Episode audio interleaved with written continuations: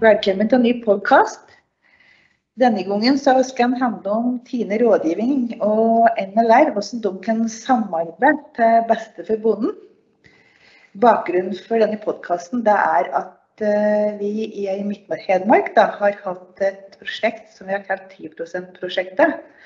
Eh, som handler om større avling og bedre fòreffektivitet. Og det prosjektet det har faktisk gått siden 2016.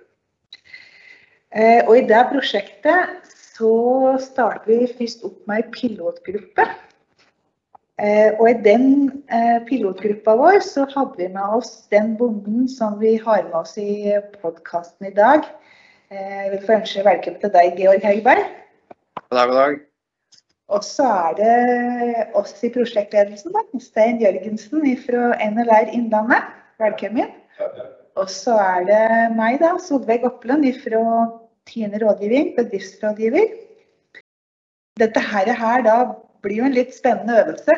Eh, vi har eh, liten erfaring med å spille inn sånne podkaster, men vi skal prøve oss. Og da vil jeg sånn innledningsvis eh, få utfordre deg, Georg, til å fortelle litt om drifta og gården din.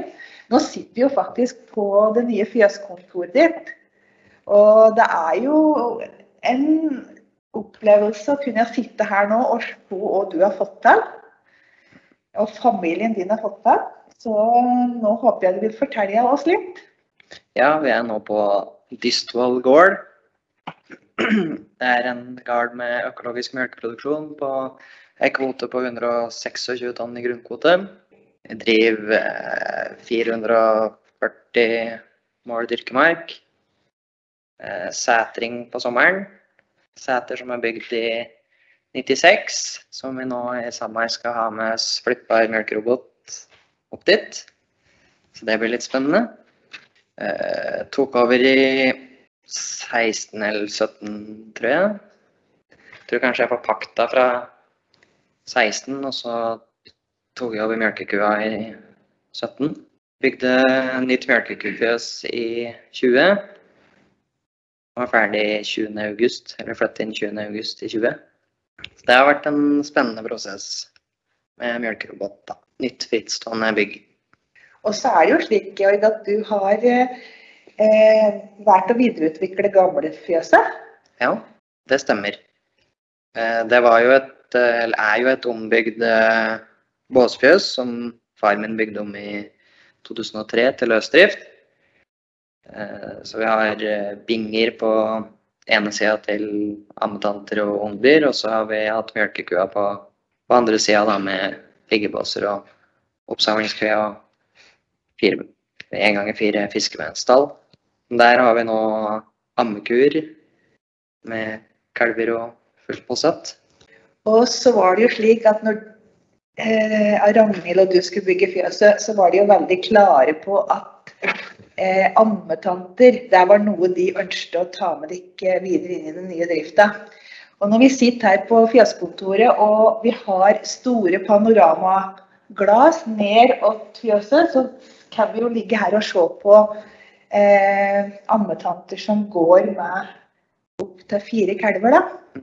Du kan jo kanskje si litt om eh, hvordan du er fornøyd med de binga du har laga til for ammetanter? Eh, nå i det nye fjøset så har vi jo Vi hadde jo litt fokus på at vi skulle fortsette med det ammetantesystemet, for vi syns det har fungert bra. Vi har hatt bra tilvekst, og de som kjøper okse etter oss, er veldig fornøyd med tilveksten på, på dyra, så det var noe vi ville fortsette med. Jeg ville på en måte ha en binge der kua kan gå for seg sjøl og kalva kan gå bak et eh, lite kalvehjemme på djupstrø. Så det var liksom et fokus vi klarte å gjennomføre. da. Så da er det en eh, binge som vi har et skrapeareal frammest framme forberedte. Og så er det en liggepall som kua og kalva, hvis de vil, kan ligge på. Og i bakkant bakenfor der så er det djupstrø som vi da bruker flis eller helm eller ja, litt det som er tilgjengelig. Det syns vi fungerer kjempebra. Og ved sida av den så har vi en, eh, en litt sånn kombibinge vi har lagd den sånn at den er ganske stor, sånn at vi kan ha to kuer som kalver der samtidig. og Da hvis, når vi har kalving, så har vi det på djupstrø med helm eller ja, flis eller lignende. Og så, sånn som nå, nå er vi ferdig med all kalvinga, så nå har vi tatt ut djupstrø, og så har vi lagd liggepaller som ligger på, i bakkant. Sånn at uh, du har et skrapeareal mellom liggepallen og fòrbrettet. Slik at uh, vi har ei ku med store kalver som går da Ei ammetante da med fire ganske store kalver som går på det, i den bingen hvor vi ikke har kalving. Og Det er vel noe av det som på en måte kjennetegner utbygginga di, dette her med eh, å bruke fjøset eh, fleksibelt, da. Ja, det var jo Når du skal bygge nytt, så må du på en måte utnytte hver eneste lille krok. Og så Jeg syns jo sjøl at jeg er litt innovativ, i hvert fall. Så jeg laga jo ting sjøl for å få ting til å fungere. Så jeg har jo lagd de liggepallene slik at jeg kan bare bruke minilasteren og kjøre dem ut når eh, jeg ikke bruker dem. Og kjøre inn igjen så vi har ja, djupstrø og slike ting, da. Så det er lettfint å gjøre om på, liksom. Uten at du behøver å bruke så mye tid. Så har du en arbeidskar som alternerer igjen mellom eh, fjøsa, ja. som du også kan fortelle litt om? Ja, vi har en sånn uh, Leli Discovery Collector. For vi støpte nå med møkkjeller bare på et lite hjørne, og så er det tette gulv på resten i det nye. Så den uh, går jo her og skraper, og vi syns jo at når vi hadde kjøpt en såpass dyr enhet, så syns vi den kunne skrapa litt mer enn bare her. Så da lagde vi en uh, tunnel, slik at den uh, kan eh, gå ut en port, og så går den, svinger den seg inn, og så går den inn i det gamle fjøset og skraper opp alt. Og dammekua òg. Det har fungert ganske bra, faktisk. Ja, han, Georg han nevnte jo da at han er innovativ. og vi som på en måte er så heldige å få lov til å være hans sparringspartnere, da, Stein, Eh, vi har jo, har jo, møtt på en del spørsmål fra Georg underveis, eh, kan vi si. Han Georg var jo faktisk eh, den bonden som vant avlingskampen det første året vi hadde den lokale avlingskampen vår. Det første året vi hadde dette prosjektet gående. Og med sin entusiasme så var noe, var Georg kjapp til å ta til seg eh, liksom oppskrifta på det gode grovfòret. Og nå sitter vi her, da, eh, med fòrprøvene fra i fjor. Mm. Eh, og vi kikker litt på, på, hva du fikk til i fjor. Og du kan jo kanskje si litt om hvordan du nå har lagt opp grovfòrdyrkinga di? Som sagt så driver vi jo økologisk. Så vi har jo på en måte ikke så mange fòrmidler og forskjellige kraftpåslag å, å mikse på. Så vi må på en måte lage et grovfòr som fungerer godt i, i fjøset, så vi får en optimal, optimal, drift. Vi kan på en måte ikke kompensere med å bare bytte kraftfôr. Så vi har liksom kjørt med en form for bestilling fra fjøset da, når vi har tatt, uh, tatt utgangspunkt i hvordan vi skal legge av slåttestrategien. Mm. Så på det som på en måte er nærmest eh, garn og enklest eh, å drifte, så kjører vi tre, tre gans, prøver å få gans, tre ganske jevne slåtter med, slåtter med jevn kvalitet. Da. Og på de små lappa som på en måte er litt lenger oppe i åsen, så kjører vi heller et toslåttsystem som vi heller kan bruke på sinku og ammeku og ungdyr, og prøver å kjøre treslått til melkekua. Så det er vel det som liksom er litt strategien. Eh, når vi ser på fòrprøven din i fjor, så er det jo Vi er jo veldig fornøyd med det treslåttsystemet ditt, at du har klart å få til så høy fordøyelighet. Det ligger jo oppimot 77-78 fordøyelighet da, på eh, andre og tredje slåtten. Mens første slåtten på den prøva vi har her, den faller litt igjennom. Har vi noen forklaring på det, Stein, hvorfor det ble slik i fjor? Altså, hvordan Hvorfor ble det så da, Den ligger på 67 her, da. Eh, og, og en mel 20 på 5,47. Ja, for oss som bruker koordinater, så er det 0,77. Og vi prata vel litt på det, Georg, at det kunne være en sammenheng med at det var som du sa, at det var veldig lite på. Det var tørt. Og eh, for å få noe mengde, så måtte det stå litt til. Og der ser vi også på, ser vi på det som er ufordelig fiber her også, at den ligger på 2,29. Og når vi vet at vanlig halm ligger på 300 i ufordelig fiber, så er jo det en forklaring på at det, at det ble såpass eh, grovt og kall det eh, dårlig fòrkvalitet. da. Men det ble en grei mengde når det fikk stå en stund til. Ja. Men når man skal bruke det i hopet med det andre fôret her, så er det jo, er det jo eh, gull å ha litt fiber og blande i dette andre godfôret her. En helt annen ting er at når det gjelder dette her med råprotein, så er jo det ofte utfordrende i økologisk fôr. Det ser vi jo gang på gang. Og det ser vi jo òg på fôret ditt, Georg. Eh, det er jo spesielt dette her på fysteslåtten som er utfordrende. Det er utfordrende, ja. Og spesielt i år som i år, når det har vært så kaldt. For det, Vi vet jo at det er på kalde jordarter og i kalde, kalde vårer så er det vondt for planta å få tak i svovel. Det er svovel i husdyrgjødsla, men den blir frigitt over tid. Og eh, Vi vet jo at spesielt i økologisk drift så er det jo viktig med denne nitrogenfikseringa fra bakterien på. Og eh, For å få til den så er vi avhengig av ting, men bl.a. dette med kalsium. Og for å få til flest mulige bakterier. Jo flere bakterier, jo mer fiksering. Og i denne prosessen så bruker kalsiumet svovel for å få bakterien til å fiksere nitrogen. Så det å ha nok plantetilgjengelig svovel, eh, spesielt på kalde årer som dette, er viktig. Og da har du en mulighet, hvis du driver økologisk, at du kan kjøre på f.eks. podesulfat, da, som inneholder versjon 19 eh, med svovel. Så det er tiltak du fullt mulig kan gjøre økologisk tillatt.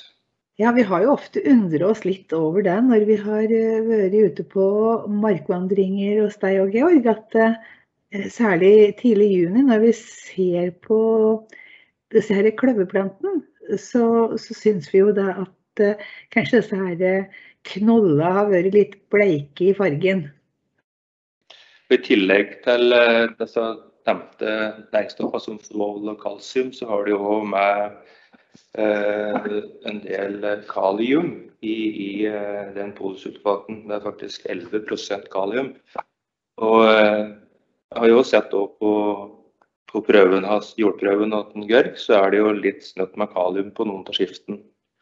Og kalium i seg sjøl er avblikksbegrensende. Altså, fordi du fjerner La oss tenke på et tall. Hvis du har 1000 kg tørrstoff, så fjerner du mellom 25 og 30 kg kalium per dekar. Så det er ganske store mengder av kalium som blir bortført med gresset. Så du må tilføre noe spesielt kaliumverdiene ligger ned på tre av fire, som de gjør her. Da.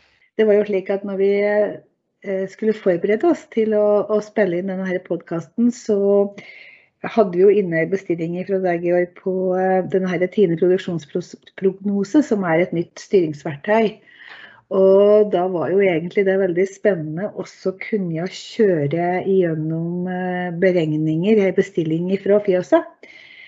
Og, eh, og, der er jo egentlig bestillinga slik at på det arealet som du skal høste tre ganger, så trenger du 450 kg tørrstoff.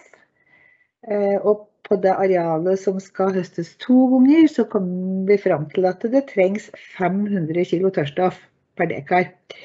Nå er jo dette her nettoenergi som vi beregner i den her TPO, TPPO. Og der må vi jo da gjøre om til bruttoenergi, ikke sant Stein? For da må vi plusse på ja, eh, plusser vi på 25 omtrent. Eh, litt avhengig av høstemetode og, og eh, svinn ellers hva du skal planlegge gjødslinga for. Du er vel en del bunter og gjør det til Georg? men vi lander jo ganske likt da, så vi på på de tallene du har der, opp imot den tørrstoffavlinga som ligger inne i skifteplan? Eh, en annen eh, ting som vi har vært veldig opptatt av i prosjektet, det er jo dette her med å få et realistisk bilde av hvor mye fôr eh, som er potensialet på det, egen, eh, det ulike skifta. Eh, og det er jo noe som eh, jeg jobber mye med i forhold til skifteplan, og på en måte eh, legge opp realistiske forventninger til de ulike skifta. Og som bakteppe for det så har en jo dette med jordsmonnskartlegging, eh, som viser noen potensialer for jord. Og så en annen sånn aha-opplevelse som vi fikk, var vel egentlig litt dette her når vi hadde sånn gruppegjennomgang eh, der vi diskuterte eh, den enkelte sine gjødselplaner. Og da var det jo dette her med at vi oppdaga vel egentlig at det var eh, mange i disse her smågruppene som hadde utrolig mange skifter som det mangler oppfølging på kalking på. Men, I hvert eh, fall i røde tall, du sier. men det har jo skjedd litt siden da, Ja da. for nå har du kalket. Og, Ja, eh, på de siste jordprøvene dine som var tatt i fjor, eh, så er jo P-en oppe på veldig bra nivå. Han ligger på 6-8. Eh, noen, noen skifter er det jo noe etterslep på, men jeg vet at, at du kommer til å kalke de skiftene nå som eh, skal ta oss med i skiftene neste år, så da blir det ja, så i hovedsak så ligger jo alle skifter eh, på eh, ja, fra 6-2 og oppover. Og det er jo akkurat det vi ønsker oss, at det er belgvekster som er så viktig da, i økologisk produksjon. Ja, nå Georg, er det vel egentlig slik at du kan komme i en situasjon der du faktisk kan eh, få litt eh, overskudd til fôr. Og det finnes jo et eh, marked for økologisk eh, grovfôr, og spesielt for godt økologisk grovfôr.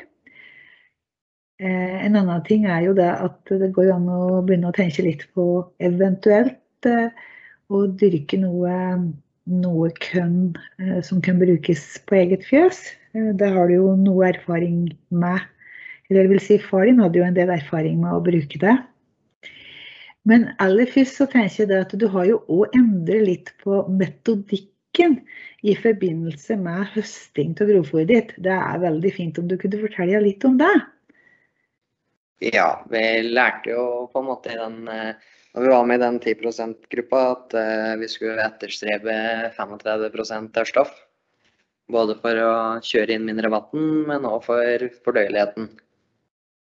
Så det er liksom det jeg på en måte har prøvd å jobbe etter, i, spesielt i fjor sommer, da. For da det er jo egentlig i fjor sommer vi kjørte den strategien som vi har brukt til, som vi har vært enige om fullt ut.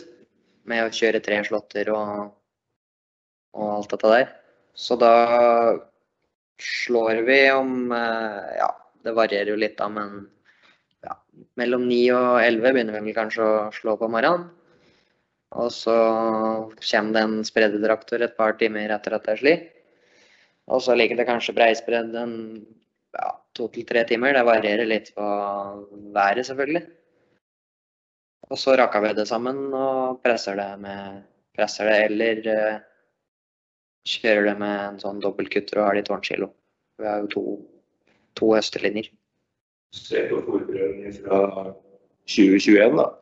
Så målet ditt var 35% så hvis vi ser på snittet her, så, så er det nok ikke det. Så jeg tror dette er en innertier, for å si det sånn.